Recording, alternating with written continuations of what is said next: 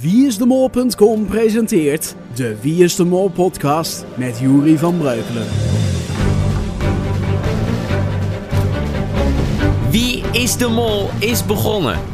Een nieuw land, 10 nieuwe kandidaten en daartussen een nieuwe mol.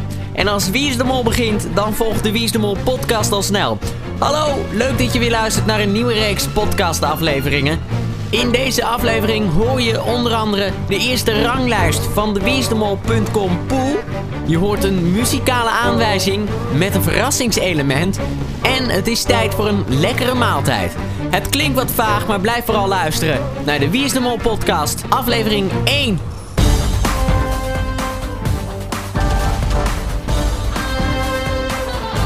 Het Wie is de Mol nieuws.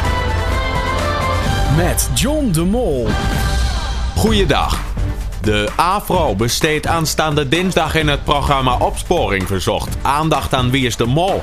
Vlak voor de opnames begonnen van dat programma in Noord-Ierland bleek de mol zoek geraakt te zijn. Om de opnames door te laten gaan, liet de productie actrice Vera Mann invliegen en werd bedacht dat er nog geen mol was en dat die nog gekozen moest worden. De opnames liepen hierdoor fikse vertraging op. Tot op heden is er niks meer van de mol vernomen.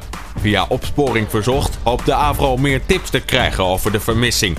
Mensen die meer weten kunnen contact opnemen met de politie. Afgelopen donderdag kreeg de Noord-Ierse politie in de buurt van Belfast veel klachten binnen over geluidsoverlast. Omwonenden hoorden rond kwart voor negen s'avonds gegil en geschreeuw uit een loods komen nabij het dok van de Titanic. Ook werd een verdachte man gesignaleerd met een ronde zonnebril op in de donkere loods. Na onderzoek van de politie bleek het om opnames te gaan van het Nederlandse tv-programma Wie is de Mol. De tv-crew heeft excuses aangeboden voor het ongemak. Tot zover het Wie is de Mol nieuws. Goeiedag.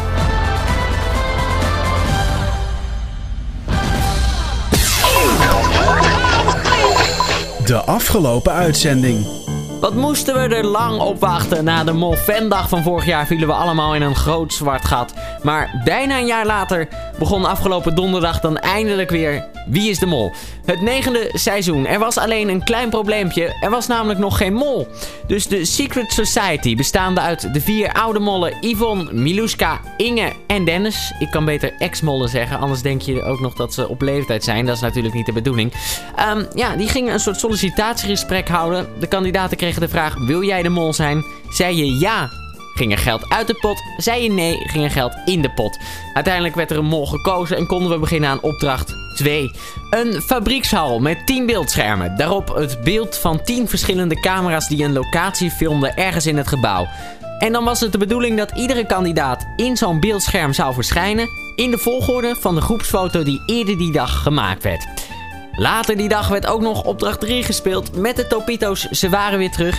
Iedereen kreeg een stukje van een Topito en er moest onderhandeld worden wie de Topito krijgt van wie. Ja, het was een soort deal or no deal. De persoon met de meeste Topito's ging door naar de volgende onderhandelingsronde. En kwam er geen deal, no deal, dan ging er geld uit de pot. En ook geen vrijstelling kon er dan verdiend worden, want dan was de Topito simpelweg niet heel. Toen de test. Pittige vragen over de mol. Pieter Jan liet de mensen keurig de hand opsteken. Wie wil eerst? Aniek en Rick waren al safe toen Vera haar hand opstak. Vera? Yes, please. Yes, please.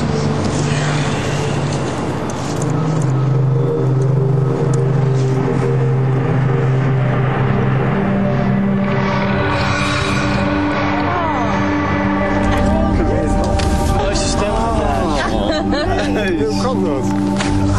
Oké, oké. Mooi gedaan. Kijk nou. Nou. Ah, zo was Vera de eerste afvaller van deze serie. Aflevering 1 eindigde uiteindelijk met nog 9 spelers in het spel, waarvan één iemand de mol is. En min 2000 euro in de pot. De quote van de week. In de quote van de week herhalen we altijd een fragment uit de uitzending die opviel. Opviel omdat hij ontroerend was, angstaanjagend was of heel erg humoristisch was. De eerste quote van de week van deze serie vindt plaats na de opdracht in de fabriekshal. Op het nippertje weten de kandidaten de opdracht met succes te volbrengen. Echter, er is één kandidaat die wel heel erg opvallend liep te mollen. En moet daarom onder een hevig kruisverhoor ondervraagd worden. En die kandidaat is Hans. Er was alleen één iemand die echt twee minuten voordat de opdracht voltooid moest zijn, kwam hij ineens even om de hoek kijken. Wie? Hans. Hans. Jij. Duurde me net even iets te lang, Hans. Ik ben in dit soort gebouwen gewoon niet, niet goed. Oh nee, wij komen allemaal echt super vaak. Wij Dit is wel. echt, echt onze woonplek eigenlijk. Ik heb me rot geschreeuwd en niemand antwoordde en het was ver weg en vaag. We hebben zo hard zitten schreeuwen. John riep ik. John! John! Nou, die heb ik ook heel hard horen Wat schreeuwen. vond jij in de actie? Hans! Heb jij de mol gezien? Die arme Hans. Ach ja, hij had nou ook niet echt een heel goed argument om uit te leggen waarom hij dat deed. Straks is de Wisdom podcast terug en hebben we onder andere de eerste theorieën die nu opduiken in het forum. Tot zo. Uitgekeken op altijd maar dat droge stukje kipfilet of die vette hamburger? Probeer dan eens de eetsensatie van 2009. Een mol. Doordat dit beestje zich diep onder de grond door de dikke aarde moet graven, is de vlees hiervan lekker mals. Mmm, wat dacht u van gebakken aardappeltjes met haricots en spek en een lekker stukje mol, gedrenkt in de jus? Ruikt u het parfum van die kruiden al? Het molvlees is te koop bij de betere keurslager. Daar, daar bij u, om de hoek. Mol, het meest veelzijdige stukje vlees. Mol. Mmm, mol met whisky cocktailsaus.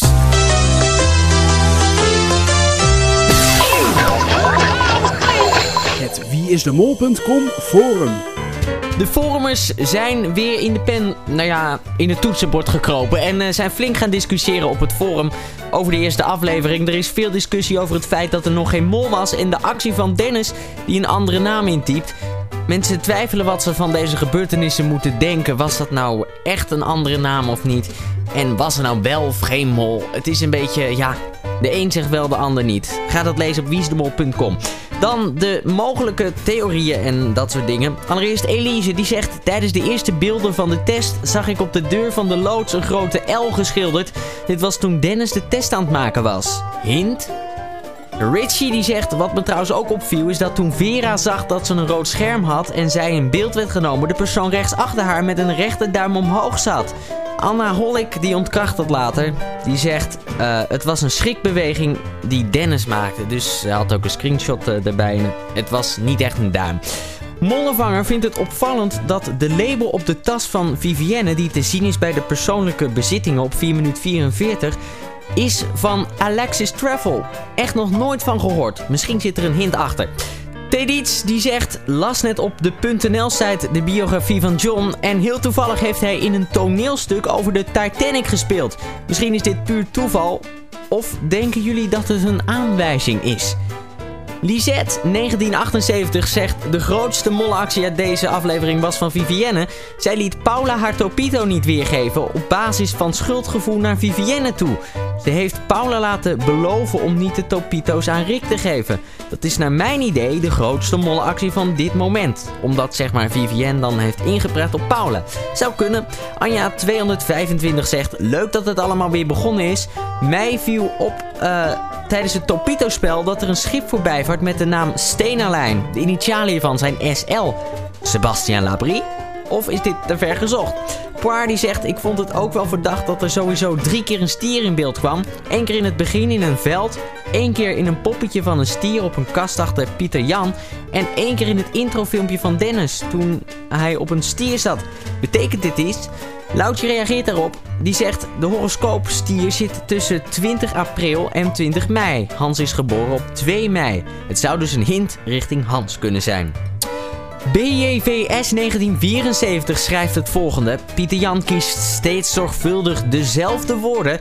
Er is nog geen mol en hij zegt dus niet zoiets als... We hebben nog geen mol aangewezen. Er is nog geen mol. Er is nog geen mol. Rick is nog geen mol. Er en Rick. Ehm, de theorie daarachter is... Rick is pas de mol als hij zijn scherm groen ziet opkleuren... maar er is al eerder besloten dat Rick de mol zou gaan worden... Zo, denk daar nog maar eens over na. Dan nog even dit. Bodios heeft een verkiezing gehouden op het forum voor de grootste molspeurder aller tijden. De uitslag is net online gekomen. En die is als volgt. Op nummer 3 is geëindigd de dikke controleur. Op nummer 2 is geëindigd Loutje. En de grootste molspeurder aller tijden is door de forumleden verkozen als Heinz. Gefeliciteerd. Wij gaan door naar de theorie van de week. De theorie van de week. De theorie van de week. Dat is een theorie die, net als de quote van de week, er uh, uitspringt omdat die opvallend is. Ook voor deze eerste aflevering hebben we er eentje uitgekozen. En uh, ik ga nu bekendmaken wie, dus start maar een roffeltje in. De eerste theorie van de week van 2009 is bedacht door Ruud Mol. En hij heet de Titanic-theorie. Hij zegt er wel eerlijk bij dat hij hem niet zelf bedacht heeft, maar van een andere site heeft en toen hier geplaatst. Maar ja, dan denk ik beter goed gejat dan slecht bedacht. En hij gaat als volgt. Rick had op zijn shirt iets staan met Ticket to Paradise. Nou hebben ze het er wel erg bovenop gelegd. Ook als je interviews in tijdschriften en dergelijke naleest, dat ze Noord-Ierland maar een baggerlocatie vonden. Mijn vermoeden is dan ook dat ze later in het programma nog ergens anders heen gaan. In Noord-Ierland is ook de Titanic gemaakt, die haar passagiers naar het Paradise Amerika bracht. Als Rick de Mol is en ze op hem stemmen, komen ze dus verder in het programma en gaan ze ook naar Amerika. Hij is hun Ticket to Paradise. Letterlijk in de zin van Amerika. En figuurlijk omdat ze dan tevens de winnaar zijn. Ja, heel wat reacties op die theorie. Uh, onder andere dat de, dat de Titanic nooit in Amerika is aangekomen. Wat natuurlijk een beetje ironisch is. De theorie van de week, de allereerste, is de Titanic-theorie. De muzikale hint. Dit jaar gaan de muzikale hints van Schiffers FM enkel en alleen over de volgende afvaller. En dus niet meer over de mol of een gebeurtenis in de serie. Afgelopen vrijdag klonk de hint als volgt.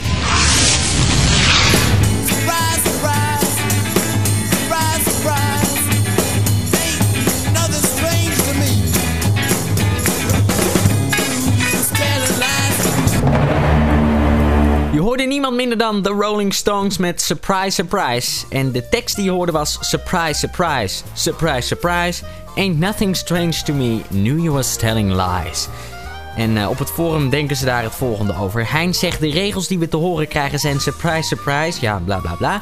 Um, die zin die hierna volgt luidt... I could see it in your eyes. Deze zin kregen we niet te horen. Wat betekent we konden het niet in zijn ogen zien dankzij die maffe zonnebril. Hans in de loods. Hans is de volgende afvaller. Mira zegt bij de test op internet staat ook de vraag wie denk je dat de volgende afvaller is? Waarbij een van de antwoorden is er valt niemand af. Dat is natuurlijk ook nog een mogelijkheid en dat zou niet in de laatste plaats een surprise surprise zijn. Jessie zegt, lettend op de vier keer surprise, denk ik ook aan vier kandidaten. Van vier kandidaten was niet duidelijk wat ze precies geantwoord hadden. En dat waren Dennis, Rick, Annick en Hans. Zou hier de afvaller tussen zitten? Mom voor de Mol doet ook een gok en gokt op Dennis. Vier keer surprise kan slaan op de vier oude mollen. Ain't Nothing Strange to Me kan slaan op de twee kandidaten die het molschap weigerden en derhalve geen mol worden. Aan hen is niets vreemd. Nu je was stelling lies slaat denk ik op Dennis die niet zijn eigen naam maar die van een medekandidaat invoert op de computer. Zodat hij van één kandidaat weet of deze liegt of niet. En dan Rolling Stones. Tot twee keer toe komt samen met Dennis heel duidelijk een rolstoel in beeld. Eén keer in de taxi en de tweede keer bij de bus.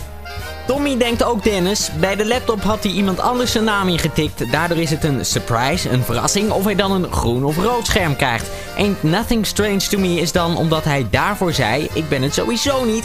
Dus er is niks vreemds aan hem. De muzikale hint. We zullen volgende week weten bij de afvaller wie gelijk had.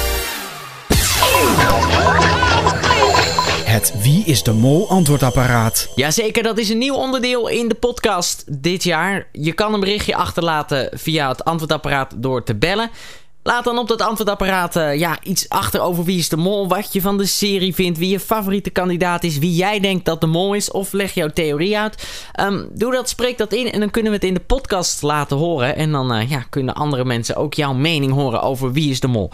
Hoe dat allemaal werkt staat uitgelegd op de podcastpagina. Die vind je op wieisdemol.com. In het menu druk je op Wie is de Mol Stuff en dan verschijnt podcast. En daar staat het allemaal uitgelegd. En dan wie weet volgende week als mensen het aandurven, misschien nog helemaal niet, hoor je hier de eerste mensen vanaf het antwoordapparaat in de podcast. De wieisdemol.com pool. Ja, traditiegetrouw is die er ook dit jaar weer bij. Voor aflevering 1 vulden exact 350 mensen de pool in. En ze vulden vragen in over de afvaller, over de mol en andere zaken uh, van het programma. Um, dan is er een uitkomst uitgekomen, een zogenaamde tussenstand naar aflevering 1. Nou, het zijn zoveel mensen met zoveel punten, ik kan het niet allemaal opnoemen. Um, op de derde plaats eigenlijk een gedeelde 32e plaats. Is een beetje raar. Pannenkoek 36 en Stephanie Mason met 139 punten. Dan volgen er 30 namen die een gedeelde tweede plek hebben. Gezellig, met z'n allen op de tweede plek. Met 141 punten. Maar er staat er gek genoeg eentje helemaal bovenaan. In er eentje Liesje 29 met 161 punten. Ik ben benieuwd wat er volgende week gebeurt na aflevering 2 met de ranglijst. De Wie is de Mol podcast. Iedere week via iTunes en wieisdemol.com. Zo, we zetten een dikke punt achter de eerste aflevering van de Wie is de Mol podcast 2009. Aanstaande donderdag kun je om half negen op Nederland 1 de tweede aflevering zien van Wie is de Mol. Wij zijn er volgend weekend weer met een nieuwe aflevering van deze podcast. In de tussentijd kun je blijven reageren op het forum, komen chatten in de chat of ons antwoordapparaat inspreken voor een leuk berichtje over Wie is de Mol. Veel plezier bij de uitzending donderdag en tot volgende week. Hoi!